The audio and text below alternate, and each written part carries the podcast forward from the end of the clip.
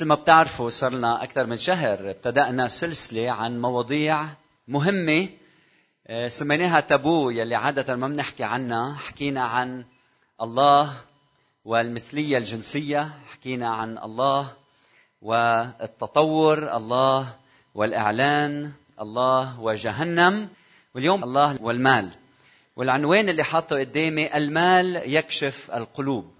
المال يكشف القلوب. الموضوع موضوع المال موضوع حساس. و... ونحن أغلبيتنا ما بنحب إنه حدا يقرب على جيبتنا صح؟ موضوع كأنه بيزعجنا. علما أننا نعلم أن المال يشتري فراشا ولا يشتري راحة ونوم. المال يشتري منزلا ولا يشتري ويصنع عائلة. المال يشتري كتبا ولا يشتري العقل. المال يشتري دواء ولا يشتري الصحة. قال أحدهم المال هو مثل الباسبور بياخدك إلى كل مكان. نقول له ما عدا السماء ما عدا السماء. المال يعطي تسلية يعطي سعادة وقتية ولكن لا يعطي فرح حقيقي في القلوب. فرح حقيقي في القلوب. اندرو كارنيجي بيقول أصحاب الملايين قليلا ما يبتسمون. في أغنى رجل من القرن التاسع عشر في له اقتباس واحد اسمه جون جيكوب أستر مشهور أتعلمون ما هو؟ بيقول أنا أكثر الناس تعاسة على وجه الأرض. علما أنه كلنا بنعرف هالحقيقة بنشوف أنه الإنسان يزداد طمعا. رأيت الناس قد مالوا إلى من عنده مال. ومن ما عنده مال فعنه الناس قد مالوا. رأيت الناس قد ذهبوا إلى من عنده ذهب. ومن ما عنده ذهب فعنه الناس قد ذهبوا. بنشوف ان الأخ بيقتل خيه من أجل الميراث. بنشوف إنه في عدم اكتفاء بين الناس. اللي عنده ثوب بده ثوبين اللي عنده اثنين بده أربعة اللي عنده سيارة بده أجدد طراز اللي عنده سيلولار بده أجدد موديل. عدم اكتفاء. تعرفوا ليش المال مهم؟ لأنه بيكشف ما في القلب. لأنه بيكشف ما في القلب. المال وصرفه بخلينا نحدد وين انت بتحط القيمة الأولى بحياتك. إذا بتعطي قيمة للعلم بتحط مصرياتك على الكتب ودرس أقساط المدارس. إذا بتحط تعطي قيمة للذوق بتقضي كل حياتك عم تحط مصرياتك على الأكل. إذا بتعطي قيمة للشهوة بتقضي مصرياتك على النسوان. إذا بتعطي قيمة للعلاقات بتحط مصرياتك بالعلاقات. إذا بتعطي قيمة للكنيسة لعمل الله لصنع التلاميذ بتحط مصرياتك في صنع التلاميذ. المسيح يقول لأنه حيث يكون كنزك هناك يكون قلبك. يعني وين بيروح مالك؟ هونيك بيكون قلبك. إذا راح مالك على ما هو لله بيكون قلبك في عبادة الله. إذا راح مالك وين الشهوة بدها؟ بتكون عم تعبد الشهوة. إذا بقي المال بحضنك تكون عم تعبد المال. فوين بيروح قلبك؟ وين بيروح كنزك؟ هونيك بيكون بيكون قلبك. المال منا مشكلة في الكتاب المقدس. طريقة استخدام المال هي المشكلة. إما للبركة إما اللعنه طريقة استخدام المال بتكشف شو في بقلوبنا. والمثل يلي درسناه الأسبوع مع بعض من لوقا 16 ببيوتكم هو مثل بيحكي عن كيفية استخدام المال يلي رح نتأمل فيه مع بعضنا البعض.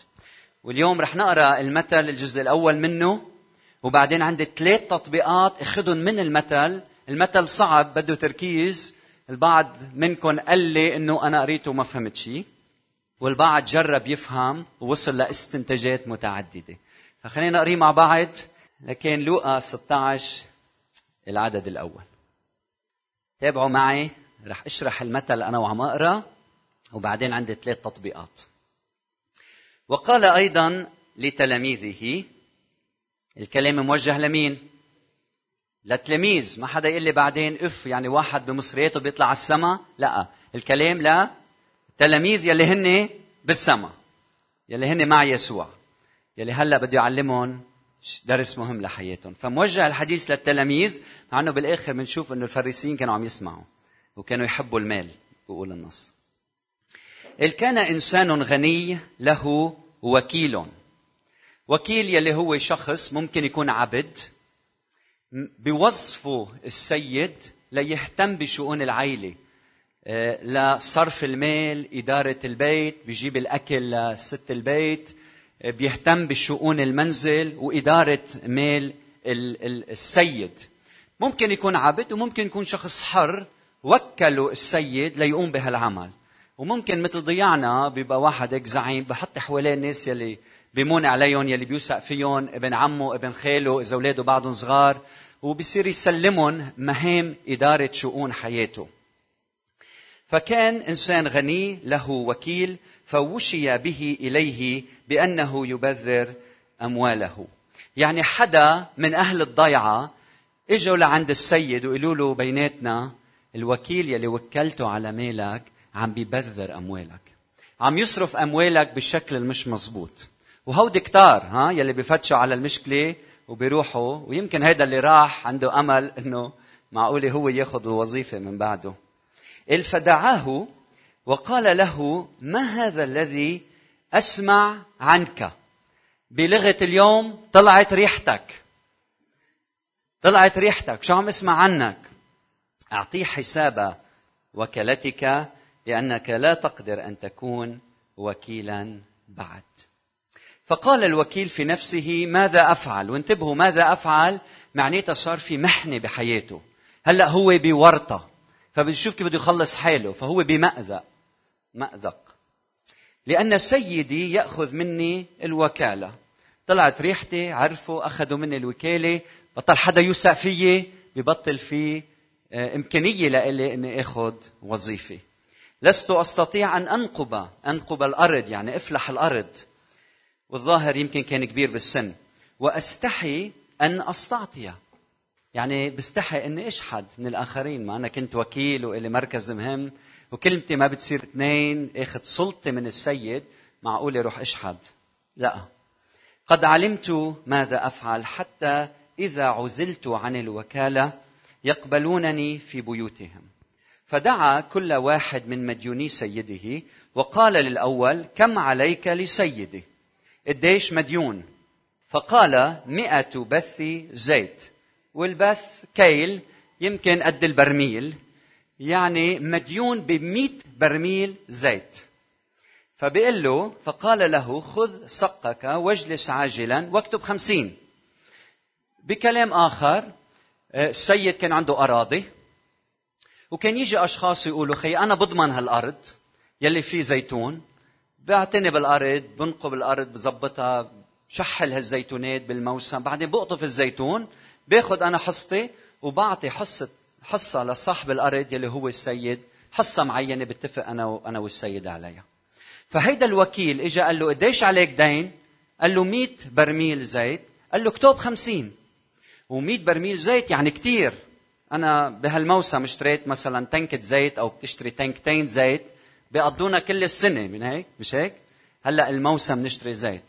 ف100 برميل زيت يعني بيطعموا مئات العائلات. فإنه يخصم نصهم هيدي غنى برحمة هالوكيل يلي مؤتمن على مال سيده. البعض بيقول إنه الوكيل كان يطلع له commission معينة وهو قال ما بدي هال commission. بس الهيئة القيمة كثير كبيرة لحتى نقول إنه بس جزء صغير سامحوا بل سامحوا ب برميل برميل زيت. فقال له خذ صكك واجلس عاجلا واكتب خمسين. والعجلة يعني في محنة في في مشكلة. العدد سبعة ثم قال لآخر وأنت كم عليك؟ فقال مئة كر قمح أو كيس قمح. فقال له خذ سقك واكتب ثمانين. العدد ثمانية كتير مهم. فمدح السيد وكيل الظلم إذ بحكمة فعل. وفهمها منه صعب هينة بمعنى أنه هالوكيل هالسيد هيدا مدح الوكيل إذ بحكمة فعل. يعني ما مدحه لأنه بالماضي تصرف وأساء استخدام مال سيده. أبدا. عم يمدحه هلأ لأنه تصرف بحكمة بمعنى تصرف بكرم مع أشخاص مديونين. وعفالهم دينهم. فما في شيء غلط. بالعكس كان عنده حكمة إنه لحتى يربح صداقته فيهم فشو عمل؟ سامحهم بدين. فسامح أشخاص تكارم على أشخاص عليهم دين. فيمدح على هذا الشيء الجيد يلي عمله مقابل كل الأمور السيئة اللي عملها يلي كان عم بيبذر أموال سيده وياخذ مصاري ويكذب ويحتال وكل هالأمور الثانية هلا بنوصل من بعد ما قرينا هالمثل للدروس يلي بنتعلمها وفي عندي ثلاث دروس رح أخذهم من النص من بعد هالمثل مباشرة. أول درس إذا عم تكتبون عندكم أول درس كونوا حكماء في استخدام أموالكم. واحد كونوا حكماء في استخدام أموالكم. العدد الثمانية الجزء الثاني منه بقول لأن أبناء هذا الدهر أحكم من أبناء النور في جيلهم. أنا ما كنت أفهمها صح الآية. من بعد ما درستها صرت أفهمها صح. ما بعرف أنتم كيف بتفهموها. لما بقول لأن أبناء هذا الدهر أحكم من أبناء النور في جيله مش المقصود فيها إنه أبناء هيدا الدهر هن اذكى هن عندهم حنكة أكثر من المؤمنين في هذا الدهر. مش هيك عم بقول. بعد مرة. ما عم بيقول إنه أبناء هذا الدهر المش مؤمنين بلغتنا اليوم عندهم حنكة وحكمة أكثر من المؤمنين بهيدا الدهر. مش هيك عم بقول عم بيقول أبناء هذا الدهر عندهم حكمة في التصرف وبيعرفوا كيف هيدا الدهر بيشتغل وبيستخدموه لمصالحهم. أحكم من المؤمنين يلي ما عم يفهموا طرق الملكوت في جيلهم ما عم يفهموا طرق الملكوت وكيف يستخدموه لمصالحهم من خلال عطائهم للآخرين. مش قادرين يا بعد يستوعبوا هالمؤمنين إنه ملكوت الله هو عطاء مش أخذ. وهيك بيستفيدوا منه. فعم بيساعدهم إنه يا مؤمنين كونوا حكماء افهموا طرق الملكوت يلي هو عطاء مش أخذ. عدد تسعة بيقول وأنا أقول لكم اصنعوا لكم أصدقاء. هيدي الآية صعبة. اصنعوا لكم أصدقاء بمال الظلم حتى إذا فنيتم يقبلونكم في المظال الأبدية. بدي أعمل تغيير صغير بكلمة فنيتم ورح حطها آه، حتى إذا فنت أو نفد نفد المال أو نفدت الأموال. فمش عم يحكي عن إذا أنتم آه، فنيتم بس إذا المال فني. Okay? So الموضوع موجه للمال بس عنا بالعربي إجت وكأنه راجع لنا لكن برجع بقريها أنا أقول لكم اصنعوا لكم أصدقاء بمال الظلم حتى إذا نفد المال يقبلونكم في المظال الأبدية. وهلا بدي أشرحها. أول شيء عندنا مشكلة بكلمة الظلم. آه، تنحل كل هالآية إذا فهمنا كلمة الظلم صح. ومش مقصود فيها اصنعوا لكم أصدقاء بمال الحرام. مال الظلم مش معناتها مال الحرام. معناتها اصنعوا لكم أصدقاء بالمال الباطل. بعد شوي رح يفنى هذا المال. فالسياق عم يحكي عن مال باطل. يعني مال هذا الدهر مقابل كنوز السماء الباقية إلى الأبد. فما عم بيقول إنه جيب مال حرام واستعمله للخير. لا لا لا. عم يحكي عن المال مال هذا الدهر. عم بيقول بهيدا المال معاشك اصنعوا لكم أصدقاء. بهذا المال يلي هو باقي هون يلي قيمته بتبقى هون هيدا المال يلي بيفقد قيمته بالسماء حتى إذا نفد هيدا المال بيقبلوكم بالسماء مين اللي بيقبلوكم؟ مين اللي بيقبلكم؟ الملائكة ولا هودي الأصدقاء؟ يلي حبيتوهم ويلي صرفتوا مال عليهم وتعرفوا على المسيح بسبب امانتكم وعطائكم وتضحياتكم وعرفوا المسيح وصاروا هن بالسماء وناطرينكم رح يستقبلوكم النقطة الأساسية هون إنه استخدموا المال الفاني ليكون له تأثير أبدي. استخدم هالمال الباطل اللي قيمته بتبقى هون حوله لقيمة أبدية. إذا استخدمته في العطاء في العطاء. بعدين حتى إذا فني يقبلونكم في المظال الأبدية. المثل هون عم بيقول قبل شوي إذا الوكيل كان كريم مع الأشخاص بيقبلوني ببيوتهم. هون عم بيقول هودي الأصدقاء اللي عم تعملهم بمالك الفقراء يلي إذا عنده خيمة خيمة وقتية ومش قادر يستقبلك تستقبل هناك في السماء. أعطيه كن كريم بعطائك. آه، استعمل مالك بحكمة. كونوا حكماء في استخدام أموالكم. هذا النص بيعلمنا أنه التلمذة الحقيقية بتظهر بالعطاء والعطاء إعلان. أنه أنا تلميذ والتلميذ هو الذي ينكر ذاته. ما في عطاء إذا ما في إنكار للذات. حب ذاتك بتاخد. كن أناني بدك. بيبدأ العطاء لحظة إنكار الذات والتلمذة الحقيقية إنكار الذات وتظهر التلمذة بالكرم والعطاء. فاللي بيعطي علامة إنه هو تلميذ في هذا النص. المال فاني. لكن ممكن يكون له مفاعيل أبدية إذا استخدمته بالشكل الصحيح. قريت قصة أنا وعم حضر عن فتاة بالفلبين يلي ربيت بتحب تقرأ الكتب فكانت تشتري كل كتاب وتقريه وتخزنه بمخزن خاص لها وتقفل عليه. يجوا صديقاتها يقولوا لها كعرينا شي كتاب لنقرأ. فبسبب إلحاحهم كانت بامتعاض تعطيهم. فتعطيهم كتاب هون وكتاب هونيك وكتاب. وهي تحب الكتب تقرأ وتخبي هالكتب. في يوم عم بتنظف البيت سمعت هيك خربشة وكأنه في حشرات عم تاكل شيء فبتفتح الخزانة بتشوف كومة من القصصات أو من ال من الأوراق المبعثرة هنا وهناك بسبب إنه الحشرات والسوس أكلوا كل هالكتب.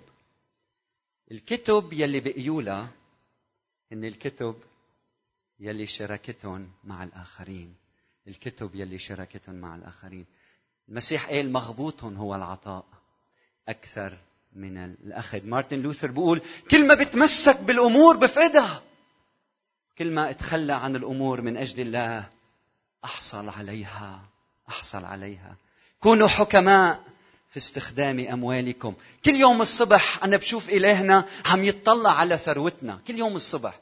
هيك بحسه بيوعى بيطلع على ثروة كل واحد منا. مش الثروة المحطوطة بالبنك بس الثروة اللي وزعناها للمحتاجين للآخرين.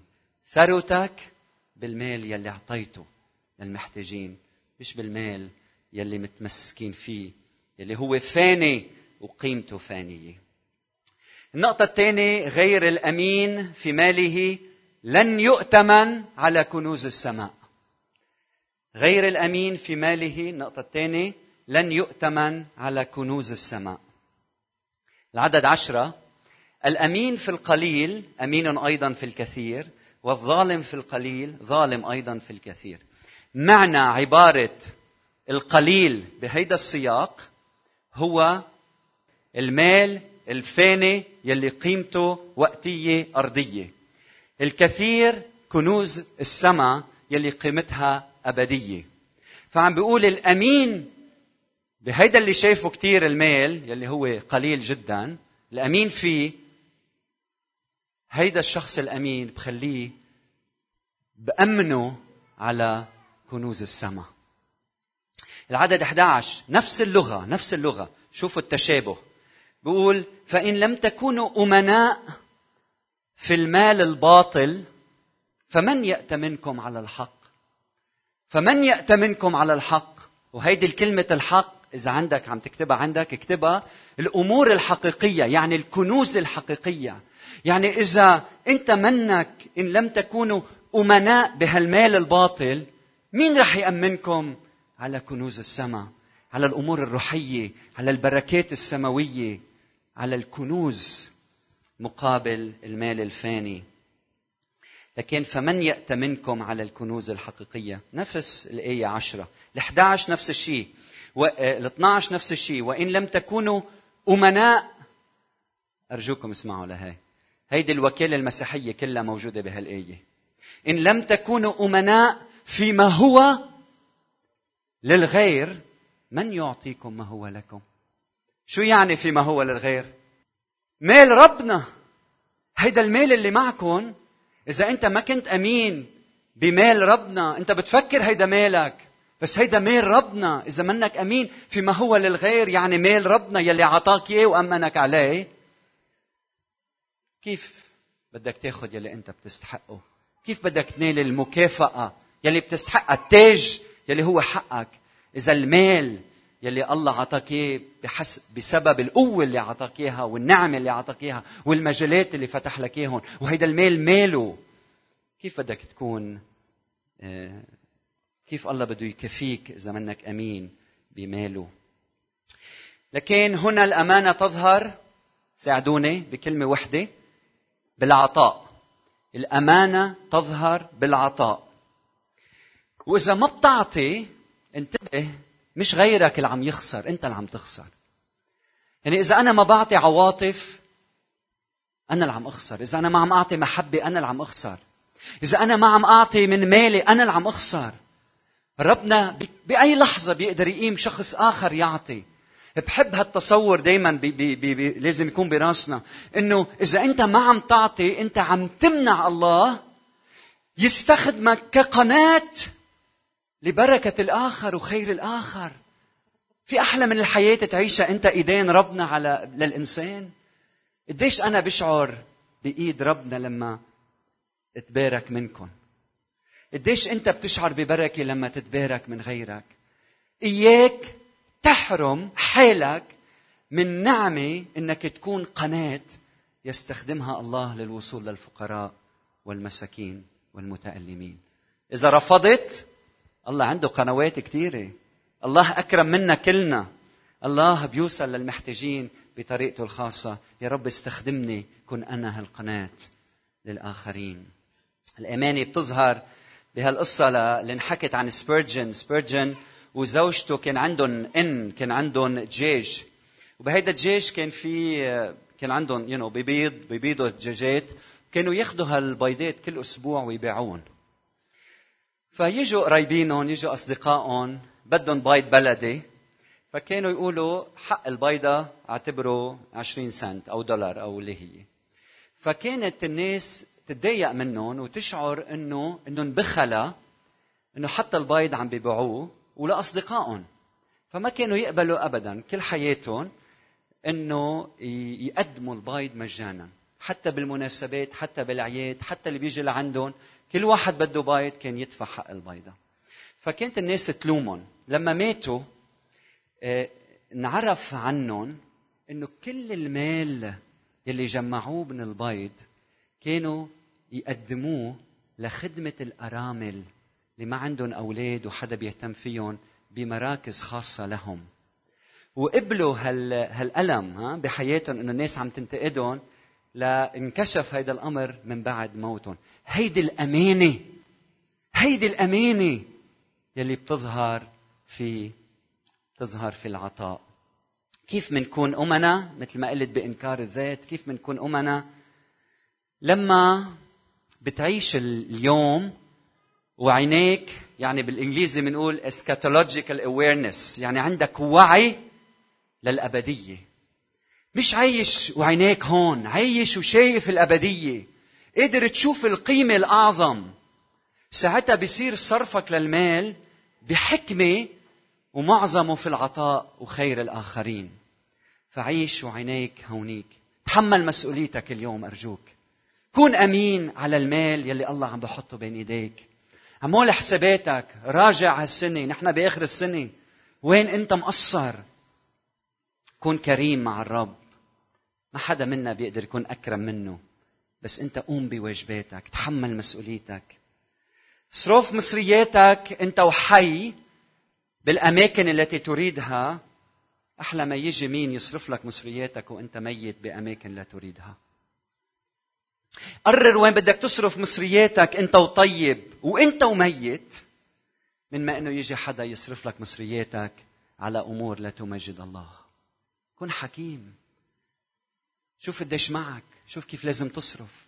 شوف وين بدك تحط مالك. هيدا المثل بيعلمنا ان نكون حكماء ونكون أمناء في صرف أموالنا. النقطة الثالثة والأخيرة اختر نقي من تعبد. الله أم المال؟ تعوا معي على العدد 13 لا يقدر خادم أن يخدم سيدين لأنه إما أن يبغض الواحد ويحب الآخر أو يلازم الواحد ويحتقر الآخر. لا تقدرون أن تخدموا الله والمال.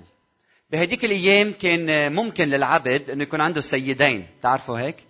فممكن يكون عنده ولاء لسيدين ويقول أنا بعطي جزء من وقتي هون وجزء من وقتي هون أو بعطي كل وقتي هون وهون بيطلبوا مني بعمل لهم. فكان هيدا الشيء ممكن بالإمبراطورية الرومانية لكن يسوع عم بيقول بالملكوت هيدا الشيء مش ممكن. ما فيكم تعيشوا حياتكم وعندكم ولاء لاكثر من سيد. إما الرب أو شيء آخر يلي هو المال بهذا السياق. اليهود كانوا يعلموا على ضرورة محبة المال. تعرفوا ليه؟ لأنه بلاهوتهم الثروة الأرضية هي تمثل البركات السماوية.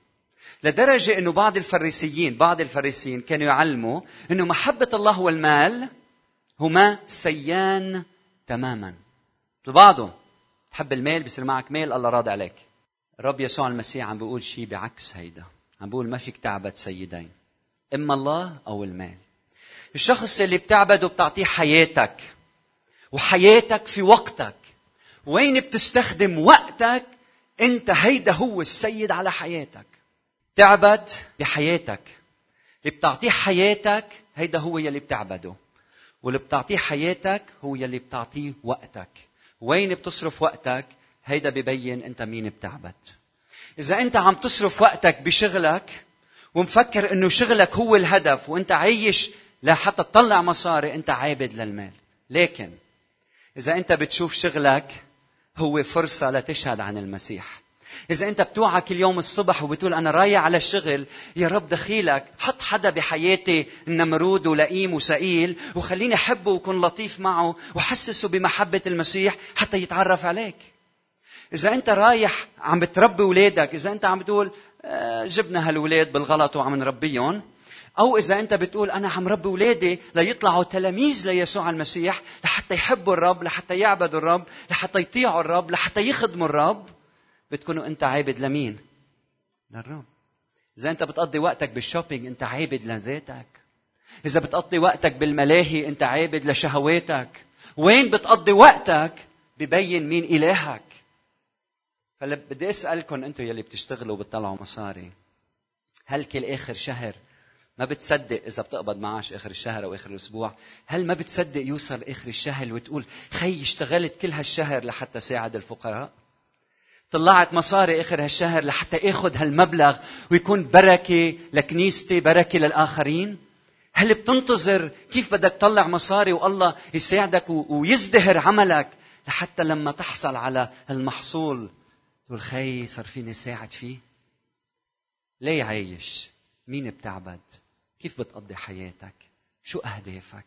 مين هو إلهك بهذا الصباح؟ مين هو إلهك بهذا الصباح؟ أخوتي الله يحاسب الإنسان ليس انتبهوا بمقدار ما يعطي إنما بمقدار ما يعطي يعطي مقابل ما ينال. الله هيك بحاسب الإنسان.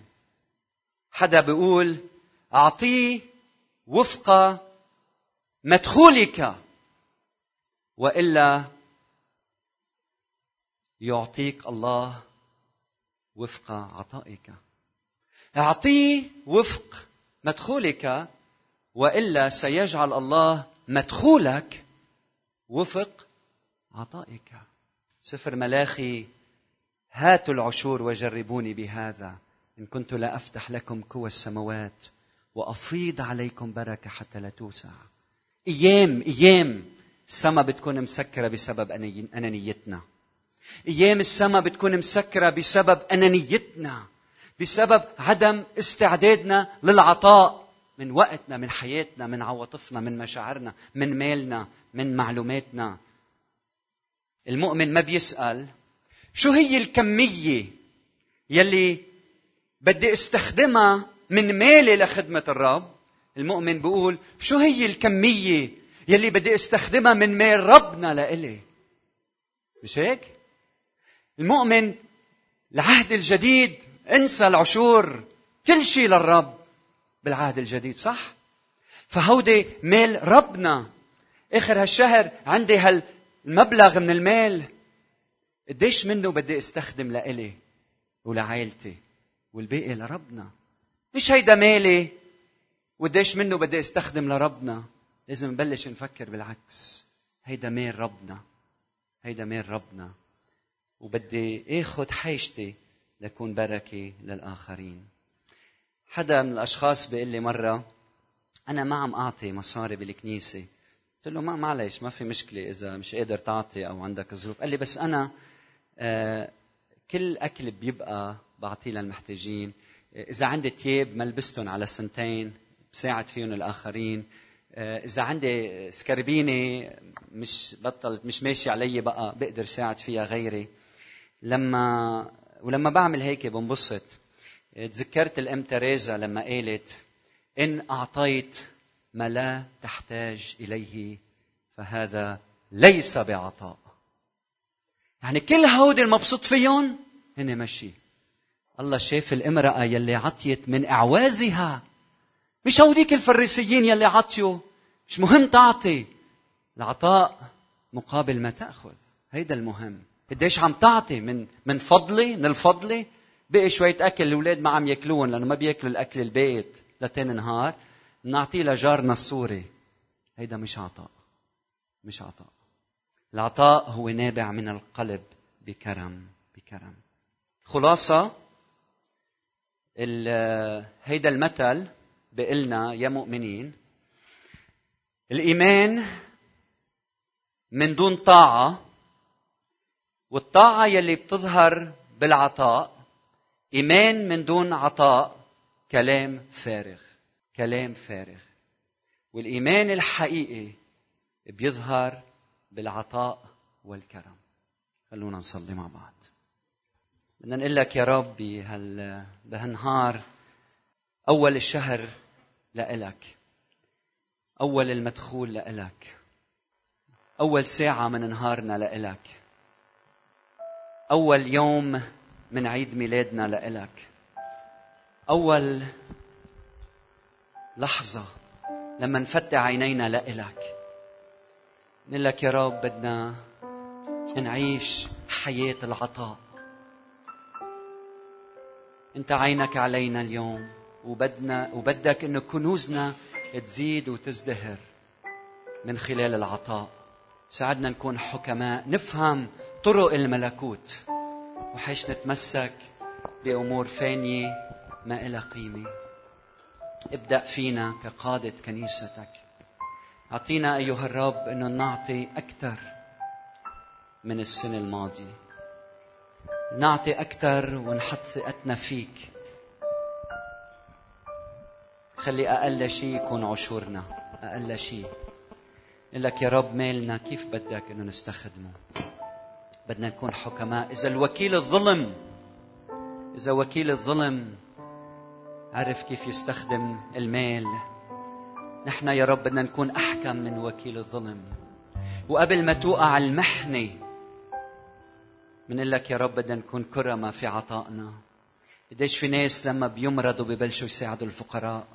قديش في ناس لما بيصير عندهم مصيبة ببلشوا يساعدوا. ما بدنا نكون مثل هالوكيل. الظالم هيدا. لما بوقع بالمحنة بلش يوزع على الفقراء. نحن وبصحتنا ونحن وبنشاطنا ونحن وبشبابنا بدنا نكرم غيرنا. ساعدنا نكون أمنا في عطائنا من أجل صنع التلاميذ بشرقنا. شكرا يا رب من أجل هالكنيسة يلي بتساعد المحتاجين يلي بتساعد الفقراء يلي بتعطي أدوية يلي بتفتح مجالات كثيرة لكن السؤال قديش من هالمال بيطلع من جيابنا هيدا هو سؤالك لإلنا. بارك يلي عم يعطوا وتوبنا لنعطي. ما بدنا نجيب مال الغرب لحتى نساعد إخوتنا. بدنا يا رب نحن من أعوازنا نساعد المحتاجين والفقراء والمتألمين. حط بقلب كل واحد شغف للعطاء. أعطينا إنكار الذات. وخلي عينينا نحو الكنوز الباقية السماوية حتى نشوف المال دون قيمة وحتى نستخدم المال ليكون له قيمة أبدية من خلال عطائنا وكرمنا. يا رب إلهي احكينا كلمتك. هلأ خلي روحك يصيبنا كلنا. ابتداء فيي بعائلتي بولادي بقادة كنيستك بشعبك بأقربائنا وجيراننا. كنيستنا بتحتاج إنه تكون كريمة أكثر بعطائها فبطريقتك أنت وبمحبتك ضمنا لإلك أعطينا نفهم كيف أنت أعطيت حياتك من أجلنا حتى يصير العطاء المادي قيمته قليلة جدا. أعطينا نفهم أنك أرسلت ابنك وحيدك لكي يموت عنا يلي منسميها عطية العطايا. وأنت يلي أعطيت ابنك ألا تهبنا معه كل شيء؟ يا رب ما عم نعطي لأنه خايفين على شيخوختنا ويمكن هيدا شعور جيد. أعطينا نتذكر أنه كنت فتى وقد شخت ولم أرى صديقا تخلي عنه أو ذرية له تلتمس تلتمس خبزا. ساعتنا نتذكر أنه المستقبل بإيدك ومستقبل ولادنا بإيدك ومصاريف مدارسهم وجامعاتهم بإيدك وحياتهم بإيدك. واللي عنا يا رب اليوم جايين نقدمه. ونحطه بإيدك الكبيرة أيها الرب لأنت تباركه مش جايين نعطي لتعطينا جايين نعطي لأنه منحبك. جايين نعطي لأنه بدنا نطيعك. ما في بس ما في لكن. لك يا رب بدنا نطيعك. بارك يلي عم يعطوا بأماكن أخرى. بارك يلي عم يعطوا بمؤسسات أخرى. بارك يلي عم يعطوا محتاجين. بارك يلي عم يعطوا وما عم بيخلوا الإيد اليمين تعرف شو عم تعمل الإيد الشمال. بارك يلي عم بيكونوا كرمة بعطائهم. زيدهم يا رب زيدهم زيدهم املأهم ليعطوا أكثر املأهم حتى الفيض ليفيضوا في الآخرين. علمنا سر العطاء.